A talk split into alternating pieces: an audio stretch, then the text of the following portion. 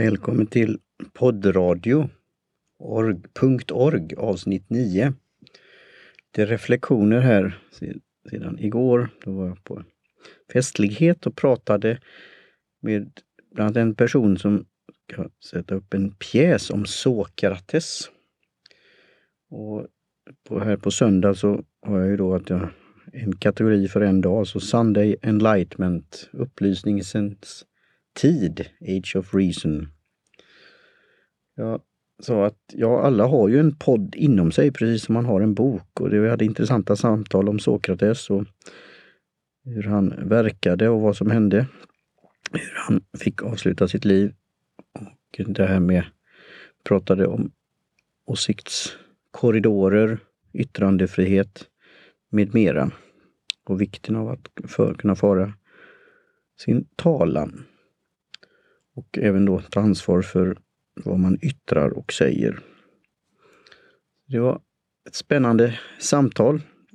Jag fick lite idéer när det gäller poddande på det. Och eh, ja, saker händer ju här eh, rullande och inför nästa år så är det ju en knytkonferens. En konferens om poddande. Podcoast. Det ska bli intressant att vara involverad i detta. Jag ser fram emot när det går av stapeln. Det är planerat då den 13 14 mars 2020.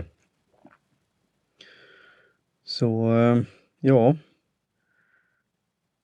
Jag har lite ytterligare idéer och tankar om detta och det är välkomna att höra av er på, till mig på mail martin.poddradio.org. Då har jag tankar och idéer om hur organisationer kan använda det här med poddande. Både externt och internt. Och eh, jag kommer fortsätta här med poddradio. Att eh, göra avsnitt under veckorna. Eh, och jag ska ha ett mål nu denna veckan. Har inte blivit så många gånger då som sagt var, det är detta avsnittet. Men jag ska försöka ha fyra, fem gånger per vecka. Men det beror på lite vad som händer med andra poddarna och uppdrag och så vidare. Men det kan ju vara en sak att starta en podd genom att kommentera på nyheter, att kurera saker och eh, kommentera och eh, prata om andra poddar. Som jag kommer göra när det gäller Podgeek med Lena Göthberg och Per-Olof Arnes.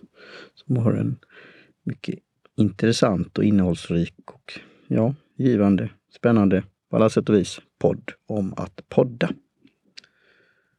Så med det så säger jag cheerio och på återhörande.